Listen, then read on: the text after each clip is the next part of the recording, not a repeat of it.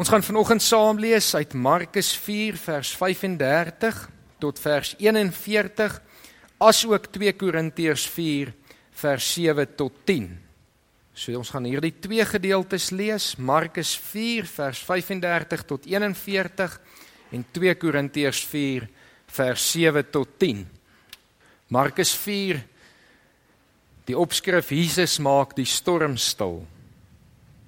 Laat daardie middag sê Jesus vir sy disippels: Kom ons vaar oorkant toe.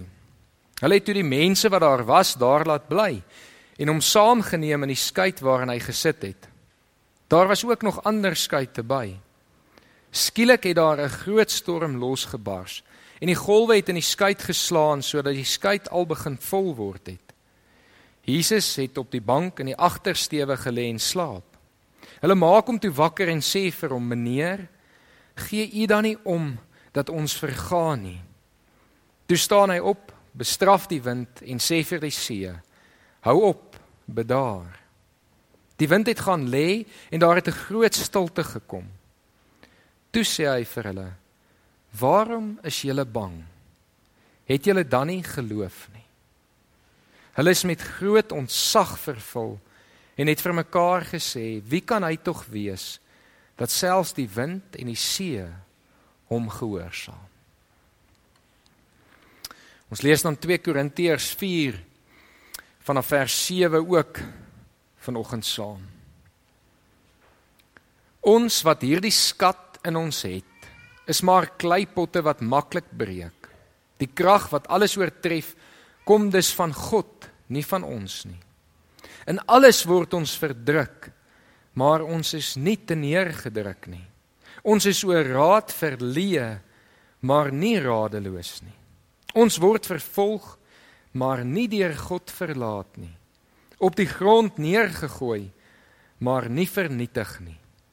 Die sterwe van Jesus dra ons altyd saam in ons liggaam, sodat ook die lewe van Jesus sigbaar kan word in ons liggaam.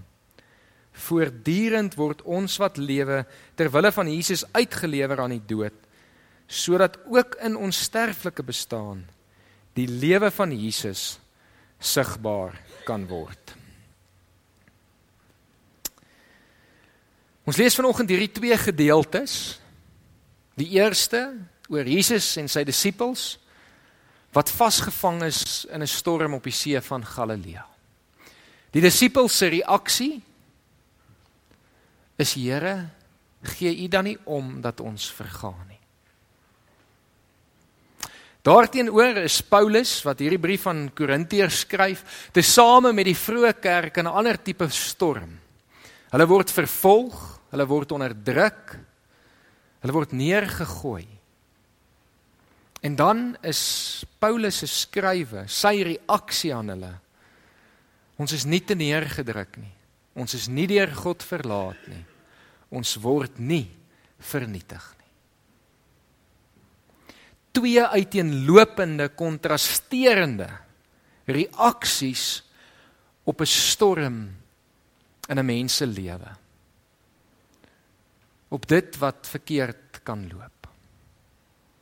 En die vraag wat ons vanoggend wil vra en uiteindelik wil antwoord is hoekom ons van die eerste reaksie by die tweede reaksie uit. Wat is dit wat Paulus het en verstaan dat hy hierdie belydenis kan maak te midde van sy lewe wat bedreig word in die eerste hoofstuk van hierdie brief dan sê hy hy het gevoel of die doodsvonnis klaar oor hom uitgespreek is. Hy's ver bo sy kragte versoek. Sy lewe word bedreig. Hoe kan ons soos hy in daardie omstandighede nog steeds hierdie belydenis maak en sê maar ons weet God verlaat ons nie. Teenoor die disippels wat na die wind en die golwe en die water kyk en sê ons is besig om te vergaan. Die eerste verhaal is 'n storie wat afspeel nadat Jesus op 'n dag die hele dag lank mense geleer het, 'n skare mense geleer het. En hier teen laatmiddag is hy redelik moeg en ons kan eintlik aanneem dat die disipels saam met hom moeg is. En daarom maak hy die besluit iets wat hy gereeld gedoen het, probeer doen het, En sê vir hulle kom ons vaar oor kant toe. Met die wete dat terwyl hulle op die waters is, hulle rus gaan kan kry. Hulle bietjie afsondering gaan hê. En dis doen hulle dit. Dis vir die disippels nie vreemd nie. Meeste van die disippels is immers vissermanne. Hulle ken die see van Galilea hulle hele lewe lank. Elke deel van hom. Hulle was gereeld in die nag op hierdie waters. Maar dan bars 'n storm soos wat hulle nog nooit gesien het nie uit. Ons moet besef dat storms in die see van Galilea nie ongewoon was nie en tot vandag ook nie is nie. Die see is bekend vir storms wat regtig rof kan raak. En dit het te doen, ek gaan nou nie in al die detail vanoggend ingaan nie. As jy nuuskierig is, gaan Google bietjie en lees. Ehm um, dit gaan in elk geval vir beter verduidelik as ek. Maar dit het te doen met die laagte van die see van Galilea wat heelwat onder uh see, die die seevlak is. Met berge wat hom omring. En omdat hierdie berge om hom omring, is daar verskillende lugstrome wat uiteindelik 'n verskriklike sterk stormwinde veroorsaak en die waters dan uh onstuimig raak. Tesame met hierdie kan dit gebeur dat daar natuurlik vog van die see se kant af kom en dit veroorsaak dat hier donderstorms losbars en kwaai reën. Hulle sê van die hoogste golwe wat al gemeet is is amper 10 voet. Dis oor die 3 meter. Nou julle kan dit self indink. 'n Golf van 3 meter terwyl jy in 'n rieskytjie is op waters wat eintlik normaalweg stil is. Dis so erg dat die disippels sê maar ons boot is besig om vol water te word en ons is in die moeilikheid. Nou ek het dit reeds genoem maar dit is belangrik om dit weer te sê. Hierdie is meestal bekende vissermanne wat hierdie waters ken, wat die storms ken, wat weet wat om te doen. En hier sit hulle in 'n storm wat hulle nog nooit gesien het nie. So erg dat hulle enigste reaksie is dit is ons einde. En dan met 'n skok besef hulle Jesus slaap. Hulle is besig om te vergaan en Jesus slaap. Nou ek dink ons moet iets hier in die teks inlees dat as dit die grootste ergste storm was wat die see van Galilea nog ooit gesien het, dan was Jesus of verskriklik moeg of baie doelbewus. Ek kan amper nie indink dat hierdie golwe en die reën en die blitse hom nie wakker sou maak nie. So ons moet vra, waarmee is Jesus besig? As hy nie regtig slaap nie. Die disippels is moeg. Dis die disippels is hier in 'n ongelooflike toets. En dit is 'n les wat ons eerstens vandag moet leer. As ons moeg is, dan het die vyand alreeds 'n deel oor ons gewen. Dit is so belangrik dat ek en jy genoeg tyd in ons lewens maak om stil te word, om te rus, genoeg te slaap sodat wanneer ons in die toets kom, die moegheid ons nie oorval nie. Keer op keer het ek in al my lewe gesien Die oomblikke wanneer ek my meer verloor, die oomblikke wat ek goed sê wat ek nie wil sê nie, is in die tye wat ek moeg is. Dit kan 'n preek op sigself wees. Ek gaan vanoggend net hierdie opmerking maak. Sorg dat jy genoeg rus. Die disippels is moeg. Die storm bars uit en Jesus slaap. En hulle kom na hom en hulle sê vir hom: "Here, gee U dan nie om dat ons vergaan nie?"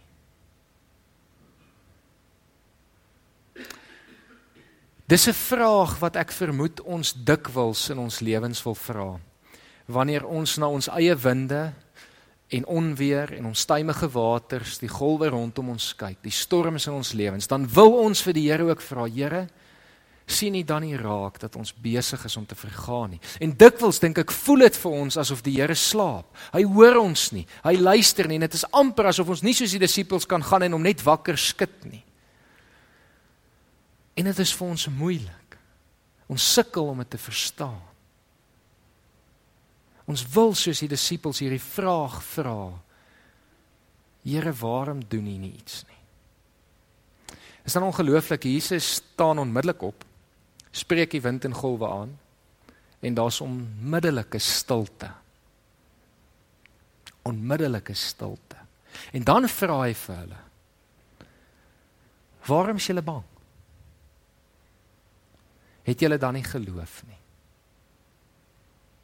Twee vrae wat ek en jy op 'n manier moet antwoord wanneer ons ook in ons eie storm sit. Die Here wat vir ons vra, hoekom is jy bang? Wat vrees jy? Jy kan vanoggend in jou eie storm dink. Wat is dit wat van hierdie storm jou regtig bang maak? Wat is jy bang jy gaan verloor? Is dit besittings? Is dit beheer? Is dit dalk jou lewe? En dan die tweede vraag, het jy dan nie geloof nie? Dis 'n ongelooflike vraag van Jesus oor twee redes. Die eerste rede is dat hy vra dit en ons sien dit baie duidelik uit die disippels dat hulle het nog nie geloof in hom nie. Hulle besef nog nie wie hy is nie en daarom vra hulle die vraag: Wie is hy dat hy selfs die golwe en die wind kan aanspreek? Vanoggend is die vraag: Glo jy in Jesus? Glo jy in die een wat nog baie meer kan doen as om wind en golwe te bedaar? Glo jy in die een wat eintlik al reeds alles gedoen het wat nodig is vir jou redding? En dan 'n baie belangrike een en weer eens hierdie kan ook amper 'n preek op sy sigself wees. Glo jy in jouself? Hoekom slaap Jesus? Waarmee is hy eintlik besig? Hy's besig om vir die disippels iets te probeer leer. Hy's doelbewus besig om te kyk wat gaan hulle maak, om te kyk glo hulle in hom, maar behalwe vir dit, glo al hulle al in hulle in hulle self. Disippels se werk was om te doen wat die leermeester doen. Om op te tree soos wat die leermeester optree. En al wat Jesus hier doen is hy tree vir 'n oomblik terug en sê kom ons kyk wat maak julle en kom ons kyk wat doen julle tot en met wat ek julle nou geleer het. En hulle het net nie geloof in hulle self nie. Hulle glo nie dat hulle op 'n manier die gesag van Jesus saam met hulle dra nie. En op 'n manier eintlik hierdie golwe self kan aanspreek. Hulle mis die een wat in hulle boot sit sy identiteit en omdat hulle sy identiteit mis, mis hulle hulle eie identiteit. Maar ek en jy vanoggend weet wie God is. Ons weet wie Jesus is. Hy is in elkeen van ons se skuite. En daarom behoort jy nie in hom of in jouself te twyfel nie, want jy is sy kind. En as jy sy kind is, dan kan jy vertrou dat jou skuit veilig sal wees jou skei sal veilig wees. Nou vanoggend maak ek 'n rowwe stelling. Ek maak 'n stelling en baie vinnig kan mens daarop vra. Maar wat van my siekte? Wat van my geliefde wat reeds sy lewe verloor het? Wat van hierdie ongelooflike druk van die ekonomie, die dreigemente van die politiek? Wat as ons alles verloor? en mense wat al reeds het. Dan kom hierdie gedeelte van Korintiërs vanoggend in. Want die omstandighede waarin Paulus sit as hy hierdie skryf, die omstandighede van die vroeë kerk is baie erger as wat ek en jy ooit vandag kan indink. Hulle lewens word letterlik elke dag bedreig. Hulle sien hoe hulle broers en susters gevange geneem word, hoe hulle gemartel word en hoe 'n klomp van hulle uiteindelik doodgemaak word. En nogtans skryf hulle hierdie ongelooflike belydenis dat hulle nie vernietig word nie, dat God hulle nie verlaat het nie en dat selfs in hulle dood dit iets simboliseer van Jesus. Hoekom? Hoekom kan hulle dit doen?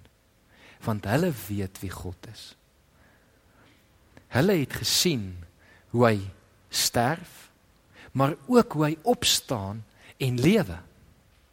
Ons vra so gereeld, hoekom doen God nie iets nie? En ons een baie eenvoudige antwoord. Hy het klaar.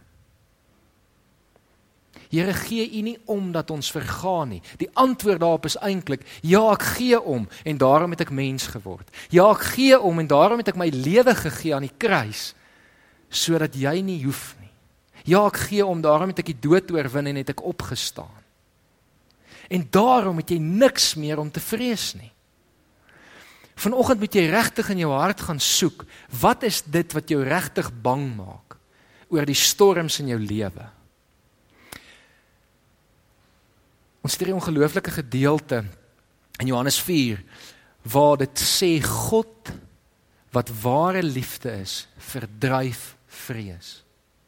As jy God begin glo, as jy God begin vertrou dat hy alles gedoen het wat nodig is vir my in jou lewe, dan behoort die storm rondom jou so klein bietjie anders te begin lyk. 'n Vraag wat vir jouself kan afvra is wat is die ergste wat kan gebeur? En miskien is die ergste wat kan gebeur dat jy of 'n geliefde hulle lewe verloor. En dan selfs in dit is die antwoord. Maar God het klaar iets daarin gedoen. Die dood is nie die einde nie. God het klaar die dood oorwin sodat ons vir ewig saam met hom kan lewe.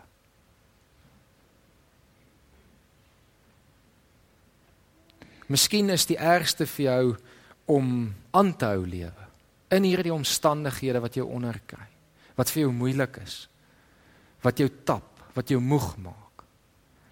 En dan is die enigste antwoord wat jy hoef te onthou: Wie sit saam met jou in jou skei? Wie is saam met jou in jou bootjie? Dit is God. Dis die God wat op die ou ende in ewigheidsperspektief in beheer is wat beloof hy sal jou nie los nie. Dit beteken nie jy gaan nie nat word nie. Dit beteken nie jou boot gaan nie vol water word nie. Dit beteken nie noodwendig dat jy jou biologiese lewe self gaan verloor nie. Maar dit beteken dat jy vir ewig veilig by hom sal wees. En daaraan kan ons vashou. Paulus begin hierdie gedeelte dan sê hy ons wat hierdie skat in ons het. Wat is die skat? Dit is hierdie die evangelie van Jesus wat die dood oorwin het. Die evangelie van Jesus wat in ons kom woon. Ons kom vul met sy gees en dit vir ons moontlik maak om dan te sê ons word verdruk, maar ons is nie te neergedruk nie. Ons word vervolg, maar ons word nie deur God verlaat nie op die grond neergegooi, maar nie vernietig nie. Ek wil vanoggend 'n baie praktiese ding doen. Wie's lus vir 'n Coke? Kom help my gou. Hier is jou nice vol.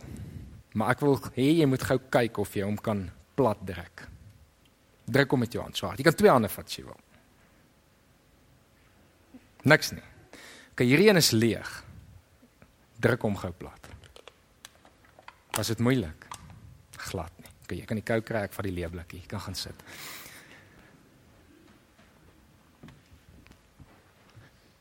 Die woorde wat hier gebruik word om te sê ons word onderdruk of word ons word verdruk is presies hierdie. Dis wanneer iets iets anders druk. En dan die letterlike vertaling is maar ons word nie soos daardie ander vol blikkie plat gedruk nie. Hoekom nie? Want as ons die Heilige Gees in ons het, sal ons staande bly. As ons nie die Here het nie, dan is dit so maklik een hand wat ons plat druk. Kom ons te midde van die storms in ons lewens vertrou die Here Kom ons glo in sy identiteit. Kom ons gee die wind en die golwe rondom ons oor aan hom. Ek en jy in ons menslikheid is broos. Paulus bely dit, ons is maar kleipotte wat maklik breek. Maar kom ons probeer om dit nie op ons eie insig te staat te maak nie. Kom ons probeer nie dit op ons eie beklei nie, maar kom ons gee ons lewens oor aan die een wat dit in elk geval besit. En kom ons sê vir hom, maak nie saak wat voor lê nie. Ons weet uiteindelik is ons veilig by hom. Ek wil graag vers 10 en El weer vir ons lees. Die sterwe van Jesus dra ons altyd saam in ons liggaam sodat ook die lewe van Jesus sigbaar kan word in ons liggaam. Dis op grond van Jesus se sterwe wat ons saam met ons dra wat maak dat ons ook kan sê maar sy lewe, die feit dat hy opgestaan het, maak dat ek en jy ook kan lewe. Voortdurend word ons wat lewe ter wille van Jesus uitgelewer aan die dood sodat ook in ons sterflike bestaan die lewe van Jesus sigbaar kan word.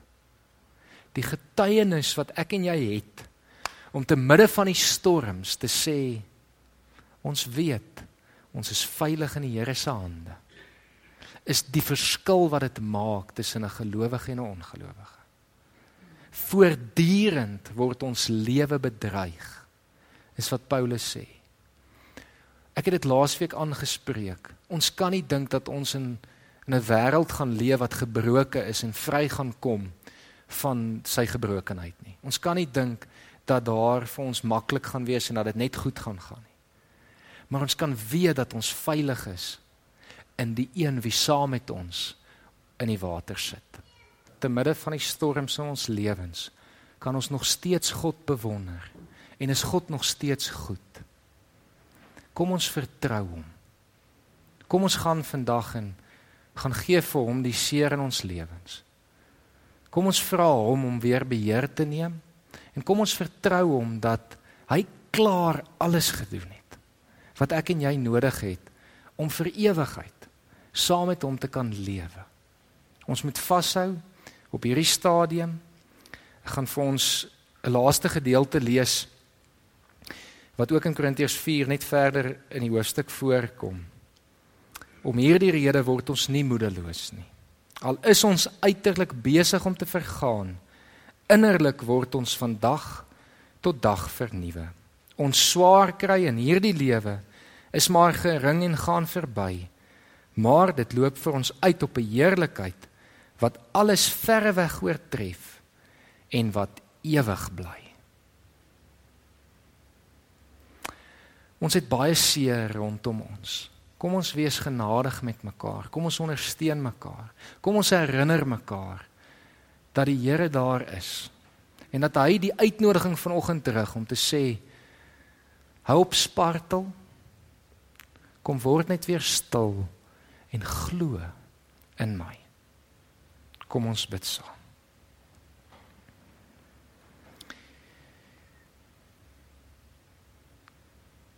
Here, U ken ons seer.